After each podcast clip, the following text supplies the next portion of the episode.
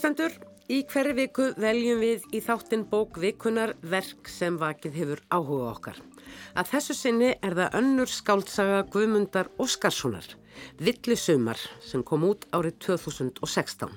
Sjö árum fyrr hafði fyrsta skáldsagahöfundarins komið út sem jafnframt var að ég held fyrsta skáldsagan sem fjallaði um hitt alræmda hrun.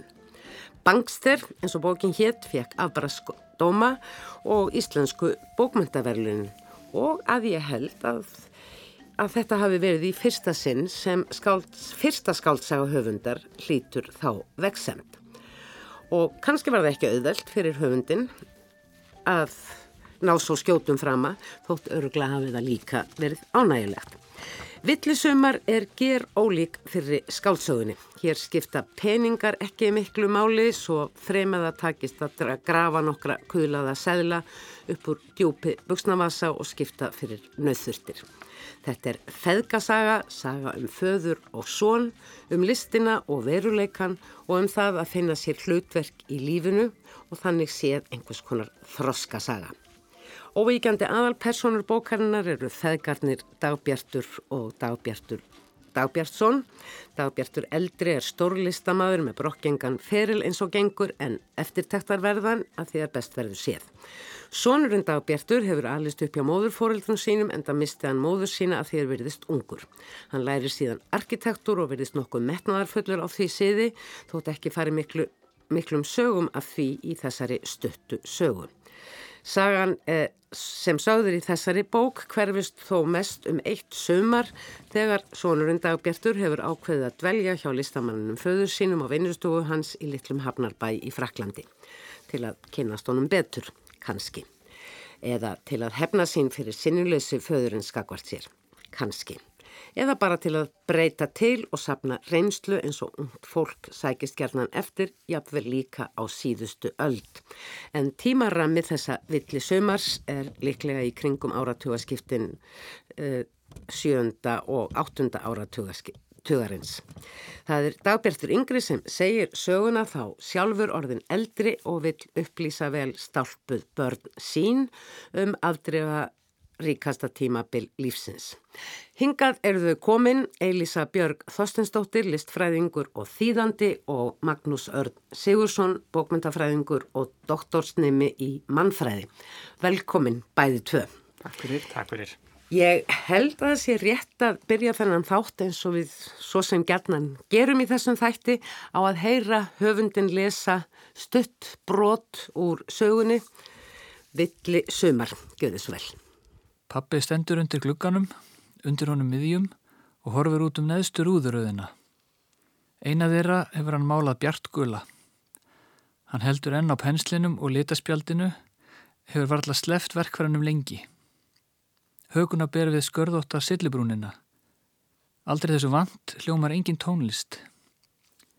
Í mestu kviðunum, þegar vindurinn ílverar, bærist hárið og regnvatnið frussast framann í hann annars seittlar það án afláts innum brot í glerjum, niður veggina og skerpir móleita útfellingatauma slotaðara stórviðra.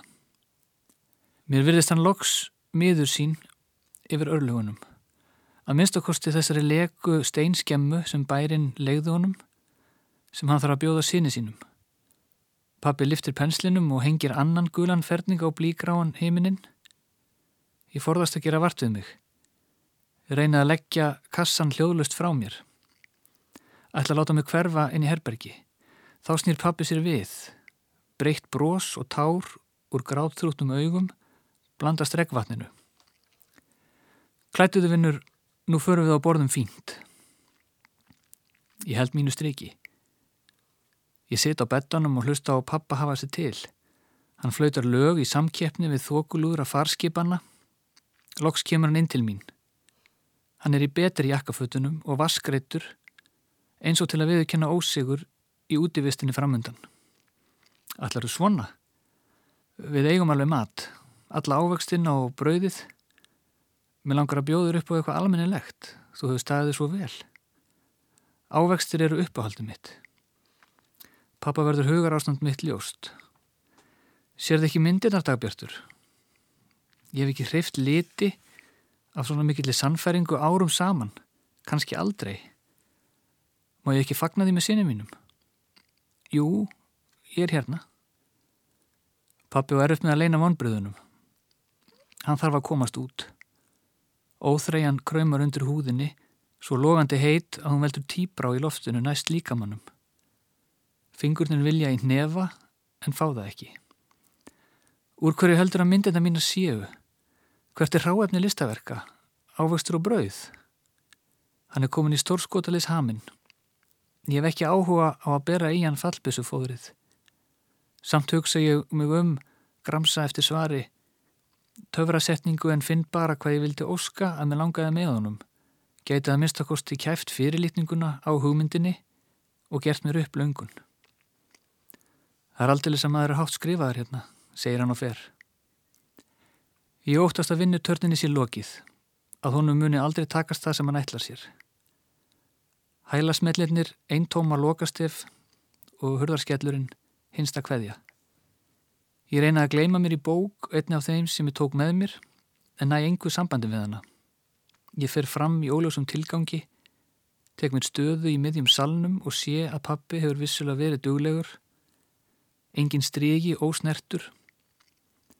Þá kveiki ég á ljóskastaranum, beinu honum inn í hornið mitt og held áfram með flekan sem mér tókst ekki að klára í morgun.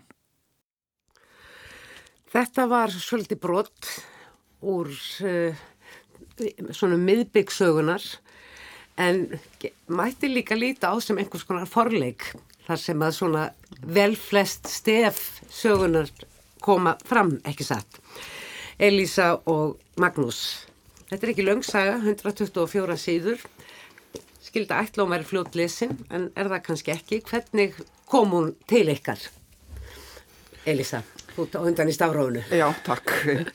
Jú, ég hafði reyndar ekki lesið bókina fyrir en uh, í tilöfna þessum þætti hér og átti nú svona svolítið erfiða byrjun með hana. Ég vissi ekki alveg hvað mér fannst en það reyndar var bara fyrstu kannski 10-20 síðunar svo sem er einlega svona formála, formála síðan sem er sérstaklega núið þar sem hann er að segja frá E, já, upphafinu að þessu öllu mm. saman mm. hverjan ætlar að fara að segja já, frá já, hverjan ætlar að fara að segja frá nákvæmlega og tengja við, sko tengja saman þáttíð og nútíð og síðan þegar e, þáttíðin fórtíðin brast á, þá verði ég nú að játa það líka, ég heitlaðist meira heldur en ég bjóst endilega við e, mér langar kannski bara ef ég má áður en að lengri haldið að fá að skutla hér inn einni aðtöðasemt sem er sérstaklega viðegandi með þessa bók og það er bara hversu falleg þessi bók er sem hlutur og hvað hönnunin á henni passar dæmalast vel við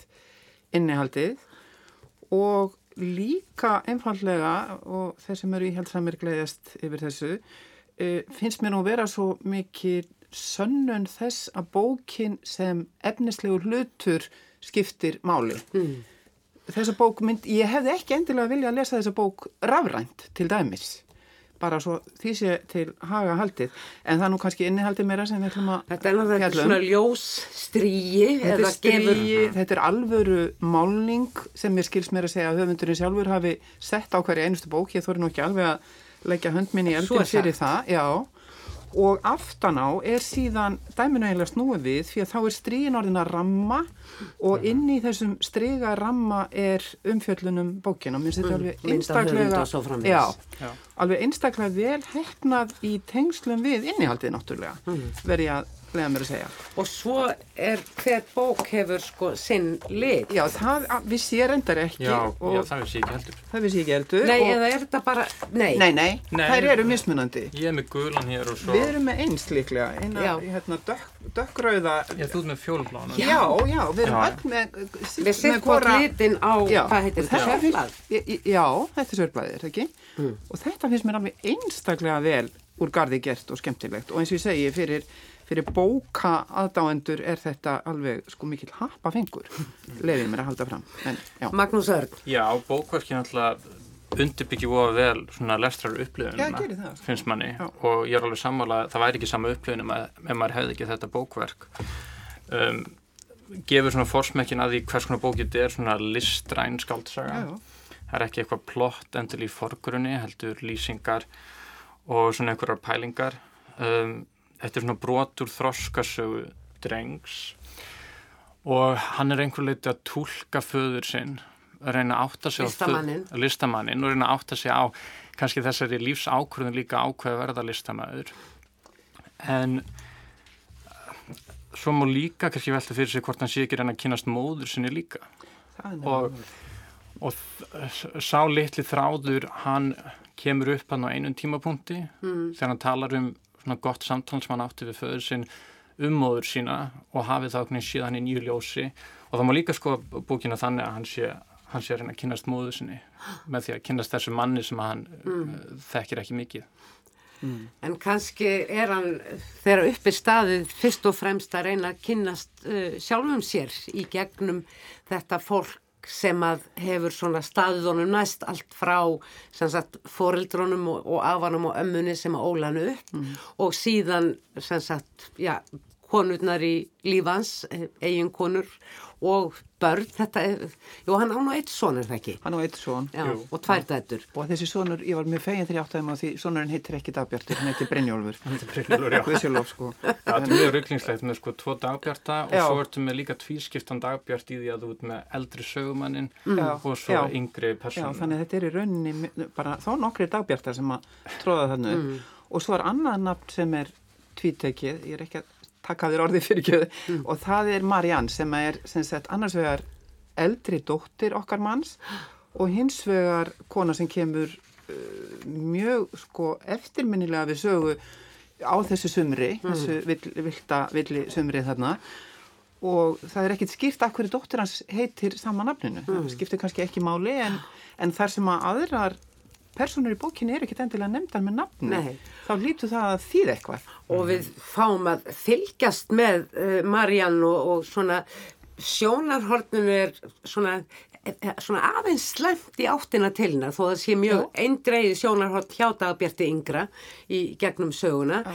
en við sjáum, við getum svona staðsett Mariann í söguna og í aðstæðum og í ákveðnum frásögnum sem við getum eiginlega ekki með aðrar personur. Nei, nefnilega og undir lokin þá er sko Marjan dóttirinn pöruðu það ekki svolítið sama við föðurinn með því að hún vil ekki taka leigubíl heldur langar henni að ganga. Já, já, eins og þegar, þegar að dagbjartur kemur til föðurins og, og fadurinn segir við göngum. Já, og já. Svo, svo kemur annað líka þessum að hérna Marjan er þessi, þessi unga dóttir Marjan, hún er tengd við sumarið og það er e, þegar hann segir frá því þegar hann fær þennan heftarlega sólbruna og sólsting Já.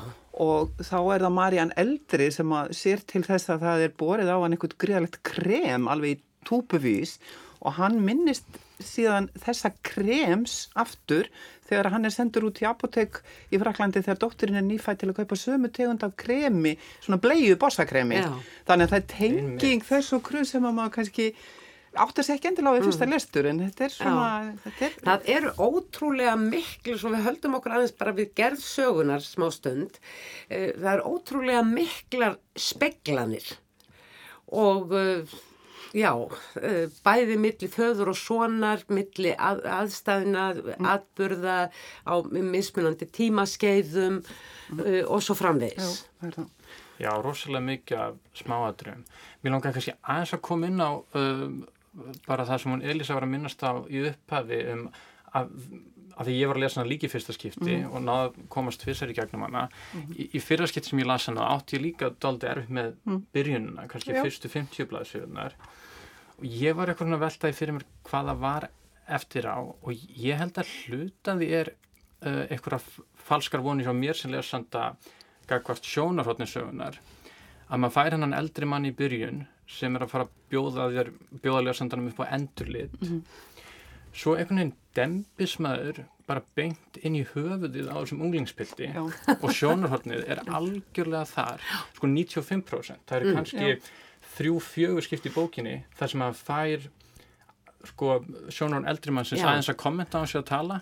Sögumannsins Já, annars er maður alveg inn í honum ungum pildi Já og ég held ég hafi ekki alveg búið stuði því þegar maður er kynntur fyrir eldri sögumann í byrjun þá býst maður við að fá meiri svona svona umhugsun og pælingar um hvað hann var að hugsa sem ungur maður. Eitthvað dýft í hugsunna sem að fælst í því að hafa orðið eldri frá því að hlutinni gerðust og svo framvegs. Já, já, já. Hann talar reyndar á einhvern stað í bókinni sjálfur um, og held ég oftar en einu sinni, um sko erfileikana við tímaflakki. Þannig er að sko ekki, ekki í þessu sambandi heldur mm. þegar hann er að fara til útlanda fyrst og fer úr sko íslenskum klaka bingjum einhverjum Já. og yfir í of mikið sumar og of mikla mýgt þannig að hann, þetta með tímaflakk er pínu, finnst mér tema í þessu bara já, líka. já, já, já svona, sko, já, stórt og smátt tímaflakk í mm. rauninni, mm. sko. En ég er alveg sammálaði, það, sko, maður á ekki vona á þessum gelgjugæja þarna í þessu magni alveg strax sko. Nei, því ég held í rauninni ég væri að hlusta á eldri sögmannin og þess vegna finnst manni myndmálið kannski full ungæðislegt Uh, en svo fattar maður þegar maður klára bókinu og lesa hann aftur og maður er í rauninni komin bara algjörlega í hausin á unglingsbyrjum. Já, hann er, hann er mm. bara, sko kannski er hann bara með þessu líka aðeins að reyna tíma setja söguna vegna þess að, já það var líka eitt sem ég átti vandræðað með mm. til að byrja með, byrju hvenar er þetta sumar? Og í smámanu sem ég menni fór ég að reyna að rekna þetta út og hann talar um þegar fóreldrarnir koma saman uh, til Íslands á skipi og mér sýnist nú öllu að hann verði sjálfur til á þessari siglingu þarna. Og þetta er í ný orfinni styrjöld, það er eitt orðið sem er svo mm. dásanlega fallegt. Allavega og gerum það ráð fyrir því að þetta sé einhver, einhver tíma í já, upphafi eða allavega ekki í stríðslokk sem væri þá kannski segjum 1950 já. nei 40 segjum 15 árum síðar fer hann á sama skipi, fer strákurinn á sama skipi út til föður síns sem myndi því að þetta væri 1955 mm.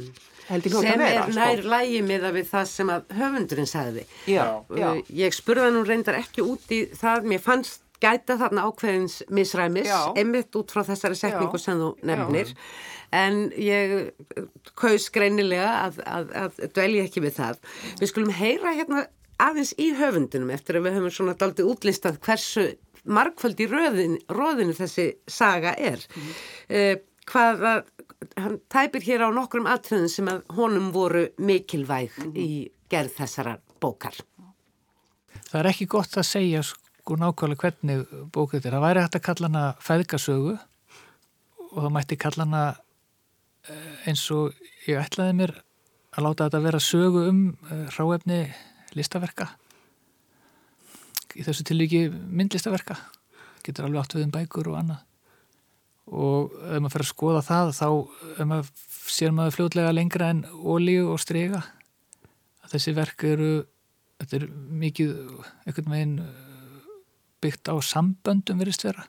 Sambönd þróast og, og vaksa og, og þróskast eða þau eigðast og verða að þessum þessu sem maður horfir á. Þessi bók er algjörð þykni sko.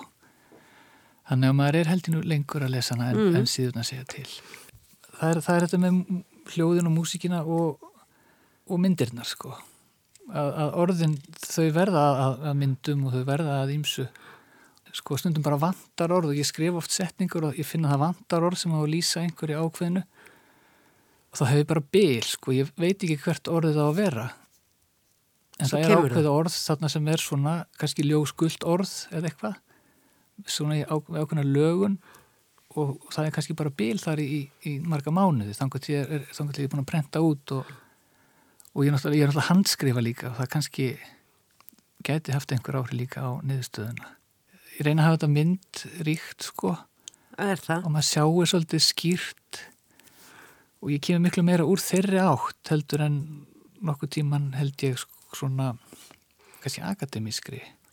Þóttu sem er rannsóknarspurningu að þá þá fær það alltaf að víkja kannski fyrir svona mynd, myndinni og músikinni í tekstanum hmm. Það er alveg ljóst að eh, höfundur hefur ekki bara ætlað sér mikið í þessari sögu markvíslegar uh, svona hugsanir og hugleðingar tengdarlistinni, feðgunum og svo framvegs hann hefur líka, feilast í þessum orðum að hann líka alveg gefið sér tíma mm. til þess að leifa þessari sögu að verða svo sem hún uh, síðan uh, varð en ef við bara byrjum á því að staldra aðeins við uh, mynd listamannsins eins og hún byrtist í allir þessari bók. Þetta er svolítið, ég mann þegar að ég las bókina fyrst, þá svona hnussaði aðeins í mér og, og ég hugsaði, anser þetta nú, þá gerði ég mér, var ég heldur ekki fann að hugsa um tímaramasögunar eins og þú myndist á Elisa. Nei hans er þetta nú gamaldags mynd af, af listamannum þessum sem að tekur sig upp úr einhverjum hljóstrumum fyrði og, og þráinn lætur hann ekki friði og í trássi við fjölskylduna og svo er hann uh, fyllibitta og svangur og, uh, og það er ástriðan og svo framvegis. Mm -hmm. Hvað, hvernig byrtist þetta þér Elisa? Jú, jú, þetta er náttúrulega kunnulega mynd af, af listamanni og hefur byrst í ýmsum útgáðum hinga og þanga vissulega sko.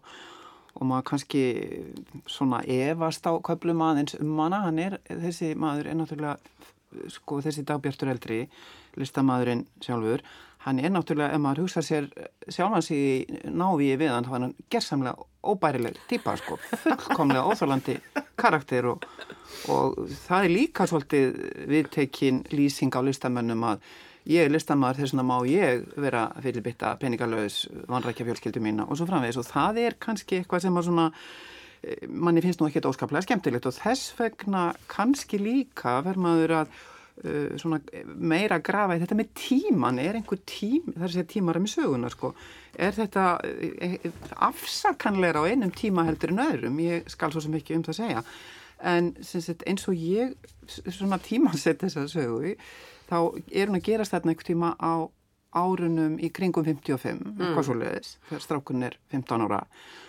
og á þeim tíma er til dæmis mjög mikið af, við tökum bara sko íslenska listamenn, þá mjög mikið af íslenskum listamennum sem eru í Fraklandi, annarkort að læra eða beinleins að starfa. Og ég var eitthvað aðeins að gramsa í þessu og ég held ég að við tali 10-12 listamenn íslenska sem eru á mislöngu tímabili, eða semst mislengi hverjum sig í París allavega á ára tugnum frá 47-57 eitthvað mm. þess áttar þannig að sko e, á þess að ég sé að segja að þeir séu fyrirmynda þessari óbærilegu personu dagbjart eldra sko alls ekki og það sem er náttúrulega aðtilsvert þar líka er það að það er fylgt af konum sem eru þarna en nógum það mm. en þessi í raunveruleikanum, í raunveruleikanum sko, mm. já En uh, þessi mynd af listamannum, hún er náttúrulega viðtekinn og maður þekkir hana og maður getur alveg látið sig hafa hana, sko. Þannig séð. Um, strákurinn er reyndar líka, finnst mér, allabókinn út í gegn, aðeins að reyna að verða pappin. Listamadurinn að listakosti. Og það er, af því þið voru að tala um áðan speklanir, það eru, sko, það eru speklanir þarna mjög áberandi eins og þegar pappin er að lýsa því hvernig honum dætt í hug að stinga af og fara að læra að verða myndlistamæður. Það er að hluta til vegna þess að hún hefur verið gengið fram hjá að með minni læknishúsinu í Þorpinu eða eitthvað, sér þar inn um gluggan myndir og fyrir að skoða þær. Það sama gerist í raun og veru með strákinum og það er þegar hann fyrir að, hann lappar fram hjá sendiherrabústæðinum franska og sér þær myndir en notabenni myndir föður síns og hann fer þar inn og fær að skoða myndirnar og er, það er byrjað að kenna honum fransku til þess að nálgist föður sinn í gegnum þetta tungumál Já.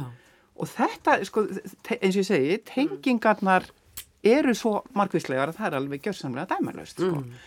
en talandum þessa óbærilegu listamannstýpu þarna e, hann er vissulega staðalmynd listamanns, kannski á þessum tíma frekar en öðrum, ég skal ekki alveg um það segja en uh, hann er eiginlega skýrasta típan finnst mér í, í bókinni, pappin þar að segja. Já, já. Langsan, mm. Hann fær langsanlega mest plás, já vel meira pláshaldur en strákurinn sjálfur. Já, já, því að strákurinn kannski er ekki svo mikið, þó hann gerir það vissulega líka, að tala um sjálf hann sig. Hann er náttúrulega fyrst og fremst að fylgjast með föðnum. Já, já, já. En, og svo múi líka segja í rauninni að engin persóna fái mikið plás í tekstanum í formi sko eitthvað nákvæmra lýsinga Ná. heldur að lesandanum gefur rosa mikið pláss til þess að giska og mm. geta í Hvernig þeir líta út til dæmis Já, já og já, til dæmis það sem er, maður fær í flestum bókum svona útskýringu á, á útliti fólks mm. um, og eins og sko þessar personur eru auðvitað þegar maður lýsir þeim, kannski þetta er aldrei flatar, það er að segja sjöu klísukendar mm. en mér finnst það bjargast vegna stílsins, því að stílinn fer ekki í að lýsa þeim, hann dregur ekki upp uh, þessar einagæðslappa klísukendu personur heldur dregur hann bara svona rétt svo útlinnar og leiðir það að geta í eigðunar og dregur upp skrítnar myndir í kringum þessar personur sem er aukun eina endur speikla þær. Mm. um, og sko innst, svona, ég myndi segja fyrir mér einstakjarnir sögunar er eitthvað svona tókstreita milli einhvers valsmilli hins röglega skipulega samfélags eða leiður í lífinu mm. og hins vegar svona hins kátíska listamannslífs mm -hmm. og mér er svolítið skemmtilegur þessi punktur sem hún kemur Elísa um um, þessa þetta glápinum glubgana hjá hérna herristjættum því þetta er líka stjættasaga Já, alveg gerðsamlega Drengurinn er eitthvað að velta fyrir sér sko þessu vali, hvað hann er að gera í lífinu og hvað það þýðir uh, uh, út frá hans eins lífshamingu en einni hvað hann stendur í samfélaginu. Já og það dreif mjög sterkum litum uh, með því að hafa afan sem að hefur alveg drenginu upp með ég er þetta með, mm. með eina til afinn háarasti og orðilótasti bindindismadur höfuborgarinnar, umsvöða mikill byggingaverktæki, skipamiðlar í þrýstundum, efnamaður með hóflega samfélagsvitund. Já, Já. Já. akkurat. Hann er þessi, sko, hann er þetta tákn, þessi röglega skipulaða samfélags um, og strákurinn er að reyna að sjá, hann er að reyna að kontrasta þennan veruleika sem hann er alveg upp í í föðurnum og reyna að skilja þetta kátíska og listræna en svo sko, bókin er listilega vel skrifuð og flækir þetta allt saman því eitt af fallegri moment eitt af fallegu augnablikonum í kynnum stráksins af föðurnum er þegar hann hefur sopnað fram á tekniborðið og hann finnur þessa skissubók sem er engin venjuleg skissubók heldur eitthvað draumabókin Ó, og þar kannski sér strákurinn inn í eitthvað svona pínu röglegt og stereotypist föðurlegt sem að hann vissi ekki að væri þar sko. mm, mm. Já, svo er nefnilega líka því að nú var ég að flytja þessa skammaræðu um gamla mannin hérna en það er líka eitt talandum samskipti þeirra feðka sem er, finnst mér óla fallegt. Og það er þetta hvernig þeir stumra hvori yfir öðrum þegar, þegar í hérna harbakkan slær. Já, já og það er, þar speiklast náttúrulega alveg fyrknalega líka sko, að þeir einhvern veginn skiptast á að hjúka, já, hlúa, mm. hjúka, stumra sem að eiginlega virðist nú vera hvorum þeirra samt óskaplega einlegt sko, en þeir gera það mm. og sko bæði andlega og líkamlega má eiginlega segja sko og það, þannig að hann, honum er alls ekki alls varnat af Bjarti eldra, hann, honum er and um þennan svonsinn, mm. sannarlega sko og uh, hérna hjúkrarónum af uh, solstengnum og hvað þetta nú allt saman er sko. mm, þannig að já, já, hann má alveg sína sprettikallin og í, við heyrðum það ekki í viðtalsbrotin sem við hlustum á núna en það heyrðis kannski lengri útgáð viðtalinu á ráseitt já, sem er inn á heimasíðu þáttarins mm. já, þegar um, þegar hann Guðmundur Óskarsson talar um hvernig þessi bók var til að hún verður til við það að henda annari bók mm. í rauninni mm og, og hann hendir henni þegar hann sjálfur verður föður. Og maður getur ímynda sér að mm, þessar lýsingar á mýgrillinu föður sinns hafi komið upp í þessari, þessum endurskrifum á þessari bók. Mm. og mér finnst líka, mér varst mjög áhört að heyra þennan bút úr viðtalinu við hann Guðmund því að mér finnst að skýra öll þessi smáætrið í þessari stuttu bók og líka eins og hann segir á einum staði eh, viðtalinu sko eh, hérna, þetta er saga. Þetta er þeikni, segir hann, já það er, það er eitt af þessum fallegu orðum sem já, hann hóta. Hann segir það í viðtalinu sko mm, já, já, og þetta er, er svolítið svona, það hefur búið að sjóða vel niður þetta svona. Mm -hmm. hún er opbóðslega fáuð og fín og meikluð, það er mm. semst stílin á henni finnst mér og hann náttúrulega notar uh, kannski sagði ég það á þann líka hann notar svo óskaplega falleg orð. Falleg orða sambönd og orð sem þú finnur hverki orðabók orð sem þú finnur hverki orðabók. Mm -hmm. og þá mhm. ætlum ég að misnota aðstöðum mín að koma hérna fram upp á allsvorðinu mínu sem að ég er búin að skrifa marg sinnisniður hjá mér. Alltaf einhver tíma geta notað og það er orðið klísturpískur og geri aðri betur klísturpískur er hægt að gera þetta fallegar ég held ekki það var eitthvað með andardrátt stregans Já. og klísturpískur málningarinnar Já. þetta er náttúrulega gjörsamlega ómótstæðilegt Já. Þetta, þetta er mikil upphafning og dásömmun í rauninni Já. og felur allt í sér, bæði sko efnið Já. og andan. Og þú þarf ekki nema að heyra orðið, jáfnveg þú skilir ekki múki íslensku heldur, mm. þú veist alveg hvað átt er við, það er einhver tótn í þessu orðið sem er mm. alveg undursamlegur.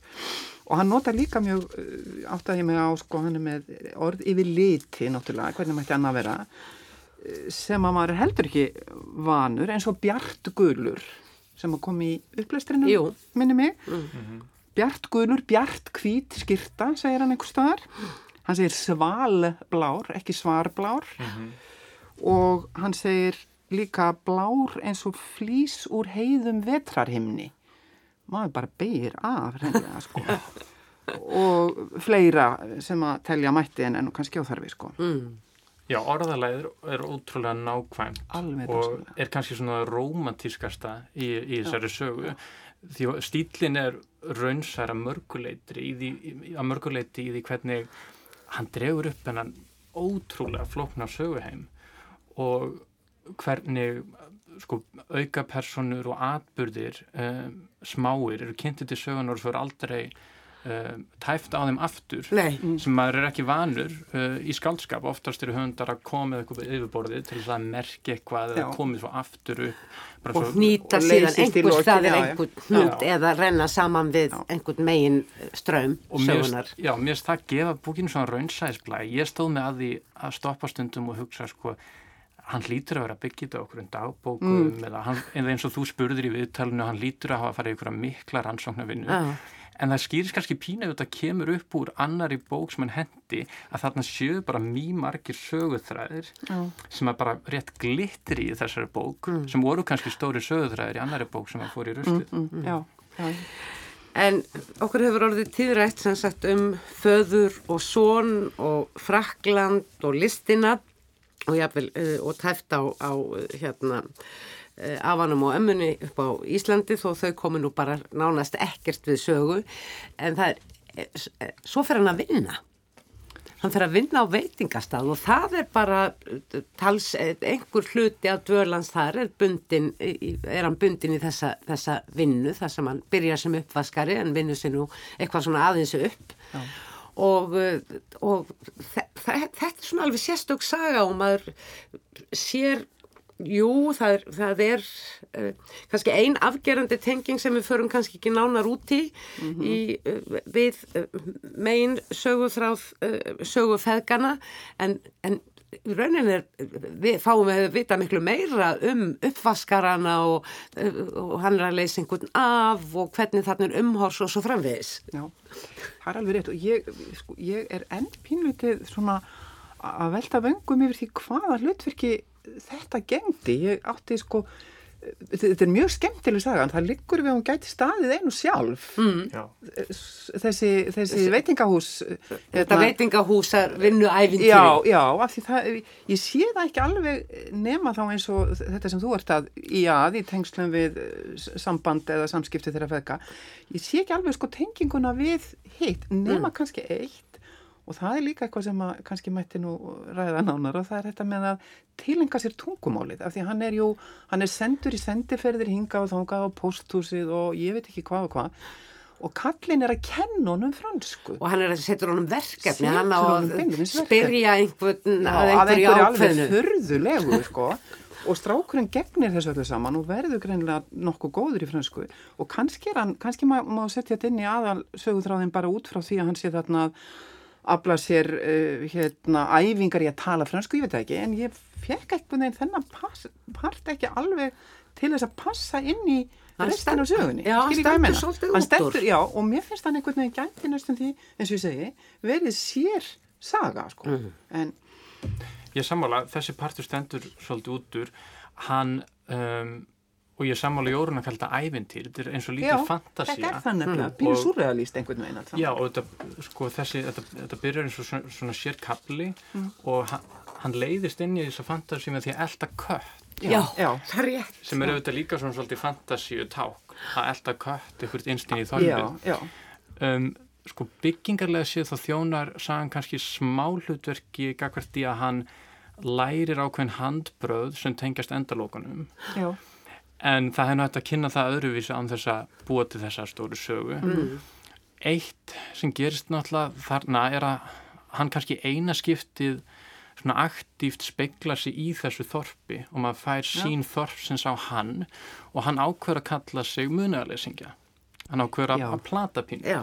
Og það er og skera á tengslinn við föðrun. Já og það, það er ákveðin merking held ég að já. þetta villi sumar snúist um að finna sjálfan sig hann upplýður sem munaleysan mm -hmm. og Mm -hmm. Þannig að já, maður lærir eitthvað um, um, um, um sögupersonuna en annars er þess að hún stendur mjög sjálfstætt þannig. Já, hún gerir það og er bráð skemmtilega sem slík sko en já. bara einhvern veginn ekki, næn ekki alveg í tengsl þarna sko en það, þetta kemur nefnilega líka inn á annað sem ég var alltaf fyrir mér og það er hérna þetta með að ljúa og segja satt, hann, hann sko e, hann býr sér til þess að munaðar leysingja hælis sögu, nota benni hjá mú munkum alveg mjög enkennilega mástæð Já, alveg upp á mjög að leysa ekki Og svo segir hann, eh, svo ég orðið að fallega ósatt líka í sambandi við annað og er, þá verist hann að vera í einhverjum fransku æfingum og það er þegar hann er sendur á ég man ekki hvaða stað og er þar að leita að tilbúinni sýstur sinni sem mögulega sé sko á hóruhúsi. Það er einhver, sko það er alveg hínum meginn á skalunum, annars vegar munkar og hins vegar sko gleðihús mm. í gæsalöpum mm. uh, og svo einhver stað segir hann líka sko, og svo, svo fær hann ægilar samvisku kvalir yfir því að vera ljúa þessu með munarlesingahælið að þessu ágæta fólki á veitingahúsinu en segir svo kannski var þetta bara frekar skáldskapur en ekki lígi og þá fáum við þetta líka sko. hvar er lígin, hvar er sannleikurinn og er kannski skáldskapurinn inn, inn í milli sko. mm. þannig að já, það er svona það er eitt og annað sem að maður geti velt meira fyrir sér sko. það er í, svo, í rauninni svo fjölmart já. og við þurfum nú vist að fara að uh, ljúka þessu uh, en það uh, þetta með listin og listamannin mm. sonurinn fær það hlutverk á heimili föðurins eða þarna á þessari vinnustofu mm. Eh, að, að, eh, að, að strengja Nei, á blindramanna já, já. Mm. og þetta er miklir flekar sem hann vinnur við -hmm. og hann læðist jú stundum í litina já. aðeins og en verður síðan að upplifa að þetta sem að hann setti klessan, klístrið, klísturprískrið uh, er kannski horfið undir eitthvað sem fadurinn gerði. Mm -hmm. Það er þarna uh, líka leitina sjálf, sjálf um sér, það er þarna listamæðurinn í piltinum.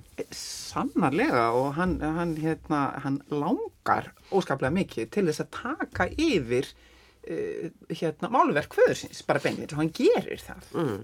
að hluta til. Hann byrjar að mála onni og vonast til að kallin taki gettir því eða þannig skildi ég það einhversta sko. Og hérna ég held að hann hafi nefnilega langað til að vera, verða málari rétt eða myndstamaður rétt eins og fadir hans. En svo fer hann einhvern svona milliveg og reynir að vera eitthvað praktiskari og verður arkitekt en það er svo kannski aðeins annað, annað mál. Það er líka svona saga í sögunni sem er verður svolítið endaslepp og já, tengist ekki já. frekar. Og það er fleira þarna sem maður hefði vilja vita ímislegt um eins og ég var kannski að minnast á þann, ég maður ekki. Þetta með, hvað var með mömmuna? Mm. Já. Akkurju, akkurju hverfur hún? Hva? Já. Já. fyrir fór hún sér eða var hún veik virðist hafa gert það, sko. virðist hafa gert það og þetta er líka þá eitthvað með sko, sekt og samvinskupitt að gera vegna að pappin er mjög upptekinn af því að strákurinn haldi ekki að hann hafi komið mömmunni fyrir kattarni mm -hmm. alls konar svona hlutir sem hann bara beinleginni slanga til þess að spyrja um. hanga svolítið í lausu lofti. Nú að gera kvikmynd eftir bókinu já, það er spennandi. Það, það er skemmtilegt, sérstaklega sem mitt kamplinn byrjar á því að hann segist líða eins og hann sé í kvikmynd. Já, var það? Já, hann segir, hann segir já, það er eldri sögumæðurinn að tala. Já. En já, sko, það hann sé arkitekt er ágættist niðurst að náttúrulega ekki stórar niðurstöður svona söguð fræðslega séð en, mm. en það hans sé arkitekt sem er komist að setja í bókinni já. þó að skýni nú í gegn uh, já, já. fyrir partin. Mm. uh, er fín niðurstað því það er svona mitt á millis að vera mitt á millis að vera listamæður eða vera þessi forstjóri heima eða vera í fyrirtækinu skipuleggjandi.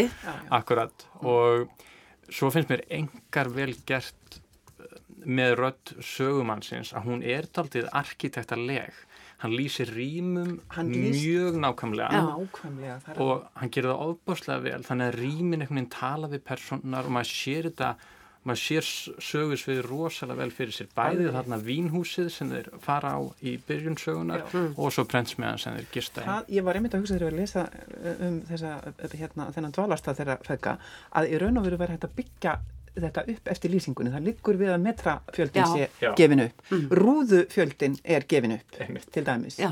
þannig að það er alveg rétt, þetta er svona arkitekta mm. sín á, já, algjörlega Það sem Mér sýnist uh, vera niðurstaðan að 124 síðna nóvela er í rauninni hvað?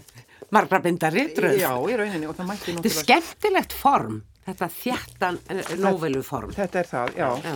já þetta er mjög skemmtilegt form og talandum form þá er mér að segja sko lögunin á bókinni, hún er líka óvinnileg, sko ekki bara, ekki bara stríin og rammin og það. Hún er breyðari. Já, hún er breyðari og hún ég veit ekki hvort það er verið að vísa í einhverja staðlaða stærð á málverki það mm. kann svo sem vil að vera sko. en já, hún er falleg já.